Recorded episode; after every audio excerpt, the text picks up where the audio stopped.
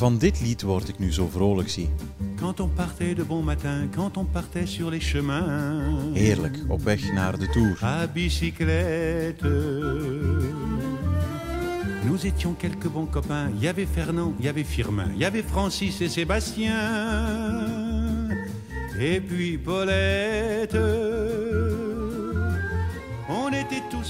Ik ben Christophe van der Goor en mijn copain voor de komende drie weken heten Sven, Serge en Frank. Mijn co-commentatoren Sven Nijs, Serge Pauwels en natuurlijk Frank Hoste. Drie weken lang praten we in deze podcast van Sportza Koers na over de etappe van de dag. devant Paulette.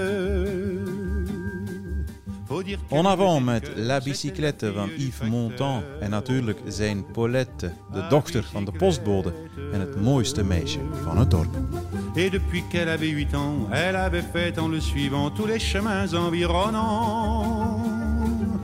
À bicyclette. Voilà, de laatste podcastaflevering met eh, Serge Pauwels. He is going home. Maandag op de rustdag na één week. Vandaag de etappe, Sepp Koes. Ehm, wat kan je daarover zeggen?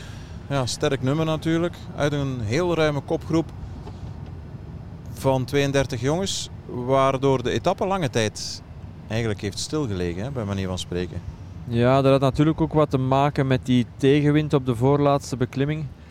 Maar ja, Sepp Koes, eh, ik vind het een van de mooiste renners van het peloton, maar ook een van de sterkste knechten. Hè. Eh, klimt altijd enorm goed, geeft soms de indruk sterker te zijn dan zijn kopman. Roglic bijvoorbeeld, eh, wat was het, vorig jaar in de Vuelta of in de Tour. Ehm, lijkt nooit af te zien. Enkel vandaag op de, tijdens de laatste kilometer van de slotklim, dan, eh, ja, dan was hij wel aan het wiegen met zijn schouders en, en leek het iets moeizamer te gaan. Maar uiteindelijk, eh, de manier waarop hij Valverde afhoudt, vond ik wel bijzonder knap. Want wij dachten allebei, Christophe, dat Valverde dat gat van, wat was het, eh, boven op de top eh, op 15 kilometer van Ja, de meet, een twintigtal seconden nog wel zou dichten op Sepp Koes. Twee jaar geleden leerden we hem kennen. Een molenweekend, eh, dol van vreugde in de Ronde van Spanje. En dan dacht je op het eerste gezicht... Ik herinner mij toen nog de reacties van op de redactie van... Ja, wie is dit? Hè? Misschien one hit wonder. Ehm, zo is Richie Port ook ooit begonnen met het winnen van een tijdrit in Romandie. Dat men hem niet kende. Uiteindelijk is dat een heel goede coureur geworden. Wat mogen we verwachten van deze Sepp Koes? Hoe kan die doorgroeien? Want dat is het eeuwige verhaal van jonge gasten die die naar voren stormen, letterlijk. En die soms worden tegengehouden door een kopman, Roglic in dit geval. Ja, hoe kan zo'n jongen evalueren of evolueren? Wel, ik denk dat eh Sepp Koes wel iemand is die meer in de schaduw zal blijven. Die misschien nooit echt kopman zal worden. Misschien wel in eh, kleinere rittenkoersen. Of hij zal wel zijn kans grijpen, zoals vandaag bijvoorbeeld. Maar het is wel iemand die, denk ik, beter functioneert in de rol waarin hij nu ook is. Ja, En dat is als knecht. Ehm, Underdog af Ja. en toe. En waarom?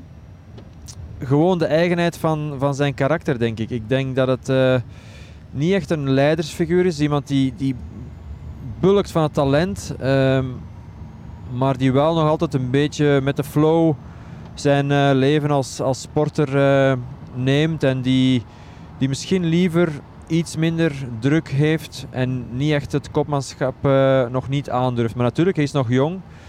Je weet natuurlijk nooit hoe, hoe het evolueert met zijn carrière. Maar ik denk binnen Jumbo-Visma zal hij altijd als, eh, als luxe knecht, want dat is hij echt, ehm, gebruikt worden. En waaruit leid je dat dan af dat hij niet echt dat karakter heeft van de absolute kopman of zou kunnen hebben? Ja, dat, is, eh, dat leid ik gewoon een beetje af uit, uit de perceptie die ik van hem heb en, en van de geruchten die ik wat hoor rond hem. Ehm, het heeft ook een tijdje geduurd eer hij echt de knop heeft kunnen omdraaien. Want ik herinner me een aantal jaar geleden in de Dauphiné, dan eh, zat eh Sepp Koes in, in mijn groepje ergens ehm, ja, helemaal niet eh, voorin op een gegeven moment. En dat was de laatste dag en dan gaf hij ook nog een indruk van iets of wat eh, te zwaar te staan. Maar blijkbaar is toen het moment gekomen dat hij de switch heeft gemaakt. Hij heeft toen, ehm, is toen naar Amerika gegaan, terug naar zijn thuisbasis. En is dan terug in een competitie gekomen in een, in een koers in Amerika. Ik denk dat het de ronde van Utah was. Waar hij twee of drie ritten won. En eh, hij was intussen tijd dus meer serieus voor zijn vak gaan leven. Want het gerucht ging dat hij in die eerste koersen in het jaar in de World Tour niet echt wist hoe een, hoe een coureur moest eten. En, eh, en dan had hij bijvoorbeeld s'avonds bij het buffet had hij hamburgers en, en, en dat soort uh, vettigheden. Dus ja, dat is een beetje typisch aan die grote talenten. Hè. Ze zijn dan al heel goed, maar zijn nog niet echt in staat om, om voor hun vak te leven. En op het moment dat ze dan die switch maken en toch de knop omdraaien, dan, ja, dan worden ze echte toppers. Maar ik denk dat deze Sepp Koes vooral, vooral een, uh, een, een luxe knecht zal blijven binnen Jumbo-Visma. Ja, heel interessant. Uiteindelijk heeft het over, met die grote kopgroep toch nog lang geduurd vooraleer die uit elkaar is gefietst. Terwijl daar eigenlijk nog voor 120 kilometer van de streep al een eerste aanzet toe werd gegeven. Hoe verklaar je dat? Ja, maar dat had denk ik te maken met de tegenwind op uh, de hoogste beklimming van de dag. Ja, hè, de Port d'Anvalira. Port d'Anvalira Ja, naar oké. 2408 meter, als ik eh, me niet vergis. En de wind, we zagen dat ook op de beelden, die blies daar echt heel hard in het nadeel. Eh, renners waren over die brede weg zelfs soms van links naar rechts aan het laveren. En dat, dat moedigt natuurlijk de aanvallers niet aan. Hè. Dus eh, dat is de reden waarom het zo lang gesloten is gebleven, althans voorin. Want eh, in het peloton zijn dan de mannen van Ineos gaan rijden nadat eerst eh, de mannen van Movistar een, eh, een bommetje hebben gegooid. Dus het was wel koers op twee fronten, alleen heeft het echt tot op de slotklim geduurd eer dat alles eh, ja, in een beslissende plooi is gevallen. Beste Belg vooraan, andermaal Wout van Aert. Thomas de Gent was erbij, is in ontsnapping geraakt, maar moet dan lossen. En Dylan Teuns hebben eigenlijk ook nooit echt gezien. Van Aert sprint een paar keer mee voor eh, bollepunten boven. En uiteindelijk finisht hij nog in dienst van eh Vingegaard in de groep der favorieten. Ja, en eh, wat wel opviel aan Wout is dat hij ehm, in de aanloop naar die slotklim ook wel mee ging ronddraaien samen met de mannen van Trek. Dus je zag toen al dat hij met Sepp Koes had gesproken ongetwijfeld en dat hij zich in dienst ging, eh, of heeft gesteld van eh Sepp Koes, die blijkbaar hele goede benen had. En laten we eerlijk zijn, die slotklim met die stijltegraad was ook echt wel op maat van, eh, van de lichtere Sepp Koes geschreven. Wat wil je of kan je zeggen over de klassementsmannen? Ja, er worden wel prikjes uitgedeeld, maar hij was weer zo, zo rustig, Pogacar, dat je bijna de zin van ja, de, de rest wordt ontnomen gewoon. Hè. Ja, Ja. Die worden, ik zal niet zeggen belachelijk gemaakt, maar waartoe leidt het? Hè? Ik nu ook weer Carapaz de hele dag, of toch een groot gedeelte, zet hij zijn mannen op kop en goh, wat moet je vanavond aan, eh, aan de eettafel zeggen? Die jongens hebben zich suf gereden, waarvoor eigenlijk? Ja, maar goed, ehm, als ze het niet proberen, dan, eh, ja, dan gebeurt er natuurlijk helemaal niets. En dan, ben ik het mee eh, eens, maar dat weten we nu na vier pogingen toch al, Serge. Ja, maar het vier is- keer geprobeerd en vier keer nul op het request. Meteen al na 10 meter. Ja, dat klopt. Maar goed, ik denk dat het ook een, eh, een kwestie is van, van de ploeg van Pogacar een beetje af te matten. Want dat zag je wel, hè, dat hij op het einde volledig geïsoleerd was. En eh, ja, we hebben bijvoorbeeld ook ehm, Guillaume Martin zien lossen in de afdaling. Ehm, en als, als er zoiets gebeurt met Pogacar, oké, eh, het is nog, hij is nog van ander kaliber dan Martin, maar je weet het maar nooit. Hè. Eh, als ze elkaar echt een keer vinden op een, op een slecht moment ehm, van Pogacar, dan, eh, dan, dan kunnen ze misschien wel samen iets doen. Want uiteindelijk, ja, het is vooral een verschil tussen nummer 1 en 2 in de stand. Hè. Dus, tussen nummer 2 en, ja, laten we zeggen, plek 7 ligt het allemaal dicht tegen elkaar. En ik geef je wel gelijk, Christophe. Eh, ik verwacht ook niet meteen dat deze Pogacar nog, eh, nog gaat plooien. Maar ja, we mogen toch wel blij zijn dat ze het op zijn minst proberen, de, de andere mannen. Guillaume Martin, wat gebeurt daarmee vandaag en eh, hoe, hoe triestig, hoe erg is dat? En, en is dat herkenbaar voor jou of zeg je, ja, dit is een eh, fout die onvergeeflijk is wat hij doet? Ja, het is wel een fout in die zin dat hij dus zijn eh, truitje niet had dichtgemaakt. Hè, de rits van zijn truitje niet had dichtgemaakt bovenop die Port d'Invalira. En dan kwam er die brede afdaling, hoge snelheden. En wat hem eigenlijk nog parten heeft gespeeld is het feit dat we daar op hoogte zaten. Heel hoog, hè, 2400 meter.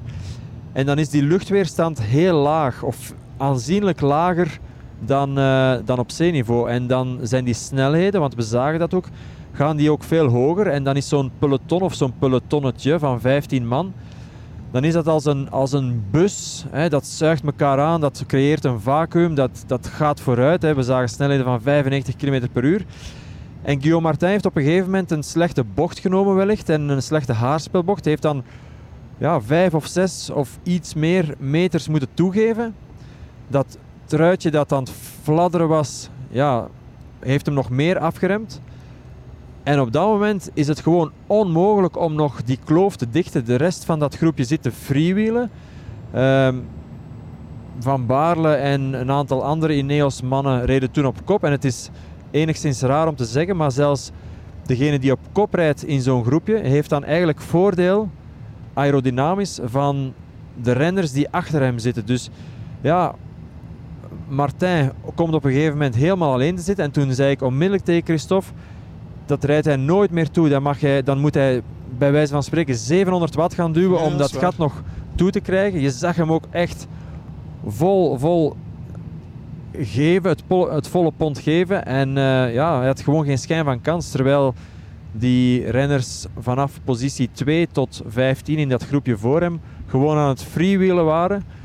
En dus dat heeft hem veel tijd gekost. Niet alleen tijd, maar ook veel meer krachten dan de renners uh, ja, die, uh, die in dat groepje zaten. Dus ik weet niet uh, wat het verdikt is. gisteren is hij van plaats 9 opgeschoven naar de tweede plaats. Maar hij, hij verliest natuurlijk vandaag weer heel veel tijd en gaat terug achterwaarts in de stand. Jammer, jammer. Je hebt nu week 2 meegemaakt, zes etappes. echt weer boeiend, ook zoals in de eerste week. Wat onthoud je? Wat is je opgevallen? Waarvan heb je het meest genoten? Evalueer het eens. Je eerste week eigenlijk het, het, ever als uh, co-commentator in de Tour ook? Ja, het was, het was heel verscheiden, heel divers. Hè. We hebben natuurlijk een aantal keer genoten van Mark Cavendish. Hè fantastische sprinten gereden, gewonnen weer. Ehm, maar we hebben natuurlijk ook een aantal uh, mooie gevarieerde ritten in de bergen gezien. Hè. Uh, beklimming van, uh, van de Mont Ventoux twee keer met Wout van Aert, dat was misschien toch wel de mooiste rit. ik ben toen op een gegeven moment ook ehm, in Malocijn bij de eerste passage gaan kijken naar de renners toen ze daar passeerden. Want we zaten met onze commentaartribune een beetje verder van de aankomst verwijderd. En uh, ja, ik heb gewoon in het algemeen de sfeer van de koers terug kunnen opsnuiven, maar het wel op een andere manier beleefd. Want uh, ja, als renner meedoen in de Tour, dat is echt... Dan zit je in die bubbel van de koers. Hè. Je, je ziet enkel het hotel, je ziet de bus en dan het peloton naast je. Maar, maar als buitenstaander hè, in die commentaarspositie uh, is het toch een heel andere beleving. En ik, ik moet zeggen, ik heb er uh, erg van genoten. Ik heb zelfs op sommige momenten uh, meer genoten dan als renner. Hè. Of, of, in elk geval blij geweest dat ik geen renner was. Hè. Denk maar aan die uh, enkele wire-etappes die we deze week gehad hebben. Dus ja, ik hoop dat het niet bij deze ene keer zal blijven. Nee, daar zijn we zeker van. is het een ander gevoel van, van meeleven vooral? Ja, beleving uiteraard, maar dat heb je als coureur ook. Maar van meeleven met dat je echt meer ja, van op een afstand verslaggever wordt, uh, belever, meelever. Wat is dat? Ja, als renner ben je natuurlijk meer met jezelf bezig. Hè? En, en met de pijn die je leidt of gaat leiden en hoe dat je daar tegen kan vechten. Hè? Want uh, het is niet alleen ja, afzien, maar het is ook, oké, wat kan ik doen om dat afzien te vermijden. En dat, dat heeft gewoon te maken met alles juist doen. Hè. Je eten, je slaap en uh, ja, uh, alles, hè, noem maar op. Uh, ervoor zorgen dat je zo goed mogelijk presteert. En ja, als commentator bekijk je dat anders. Dan zie je meer het globaal beeld. Je ziet ook meer de, de details. Je ziet ook renners achterin. ja, helemaal anders. En wat een beeld wat ik heel apart vind, of een, iets wat ik ja, als renner niet zie, is dat we nu ja, eerst de beelden zien. Hè. Je ziet waar renners vertrekken, de startplaats. Hè. Je ziet uh, hoe het peloton zich op gang trekt. En dan eindigt de dag altijd met het moment waarop de renners voor je neus in real life onder je com commentaarpositie uh, passeren. Dat vind ik wel... Apart. Ja, voilà, apart. Dat is het, het, echte gegeven van renners die van A naar B rijden. En dat, dat zie je als renner niet zo, omdat je dan natuurlijk constant in die, in die bubbel van het peloton zit. Op koersvlak, wat staat er nu de komende periode voor jou op het programma? Want eerst had je eventueel gedacht om mee te gaan met Sven van Toernout richting Tokio. Dat is niet het geval. Wat, uh, de komende het eerste wat ik, uh, wat ik ga doen uh, is uh, Etoile d'Or. Dus aangezien Sven als, ehm, ja, hij is ook belofte bondscoach um, op de Olympische Spelen is. Da daarom ga ik hem vervangen in uh, d'Or. Dat is een, uh, een tweedaagse wedstrijd in Frankrijk en die begint de dag na de Ronde van Frankrijk. Dus wij vertrekken op, op zaterdag. En ehm, ja, we gaan daar... de dag na de Spelen bedoel je? Nee, het is, nee, nee, het is maandag en dinsdag na de Ronde van Frankrijk dat die rittenkoers doorgaat ah, zo, in Frankrijk. Ja, ja, ja. Dus okay. wij vertrekken nu, nu zaterdag. Um, en, en waar is dat precies in Frankrijk? Ja, dat is aan de, in het westen. Um, een beetje. Bretagne, de Vendée. Ja, meer. Um, ik vergeet net de hoofdstad die daar um, in de buurt ligt. Uh, Poitiers, denk ik ah, dat het is, okay. uh, die kant, ja. Alright, en dan uh, augustus, wat brengt augustus nog? Ja, in augustus dan de toekomstronde. Hè. Dus toekomstronde, Tour l'Avenir, ook met de beloften. Daar ga ik dan samen met uh, Sven naartoe, althans dat is de bedoeling. Heel belangrijk voor het ontdekken van uh, ja, de, de, de toekomst van later, zeg maar. Ja, en, en we gaan er ook wel met, ja, met een favoriet naartoe, denk ik, met Henri van den Abelen, die mhm. derde was in de voorbije Giro, Giro de baby Giro voor belofte. Dus ja, we mogen wel ambitieus zijn en we gaan hem proberen goed bij te staan natuurlijk in, uh, in die tiendaagse rittenkoers in Frankrijk. De kleine ronde van Frankrijk. Henri van den Abelen die uh, bij DSM rijdt. Mm -hmm. En daar gelukkig is nog altijd, ja? Bij jou jawel, jawel, we hebben hem uh, vorige week nog gezien in de Ardennen. En ja, hij heeft daar wel een, een, goede structuur die denk ik nog altijd voor, voor jonge renners heel nuttig is. En ehm, ja, het is ook de bedoeling dat hij volgend jaar denk ik uh, helemaal prof wordt binnen die ploeg. Um, rijdt nu al een aantal ja, koersen. een aantal profskoersen al gereden. Hè? Ja, dus dat is uh, ja, het voordeel van het systeem eigenlijk, van die opleidingsploeg, dat ze ook al een aantal koersen zoals uh, de Tour des Alpes Maritimes du Var mogen meerijden met de profs. En um, hij gaat nu ook Tour de Lijn rijden, nog, geloof ik, nog in, in de maand juli. Dus als voorbereiding op Tour l'Avenir. Ja, voilà. Uh, tof en top dat je erbij was. Dankjewel namens iedereen, Serge Pauwels. En dankjewel voor de uitnodiging.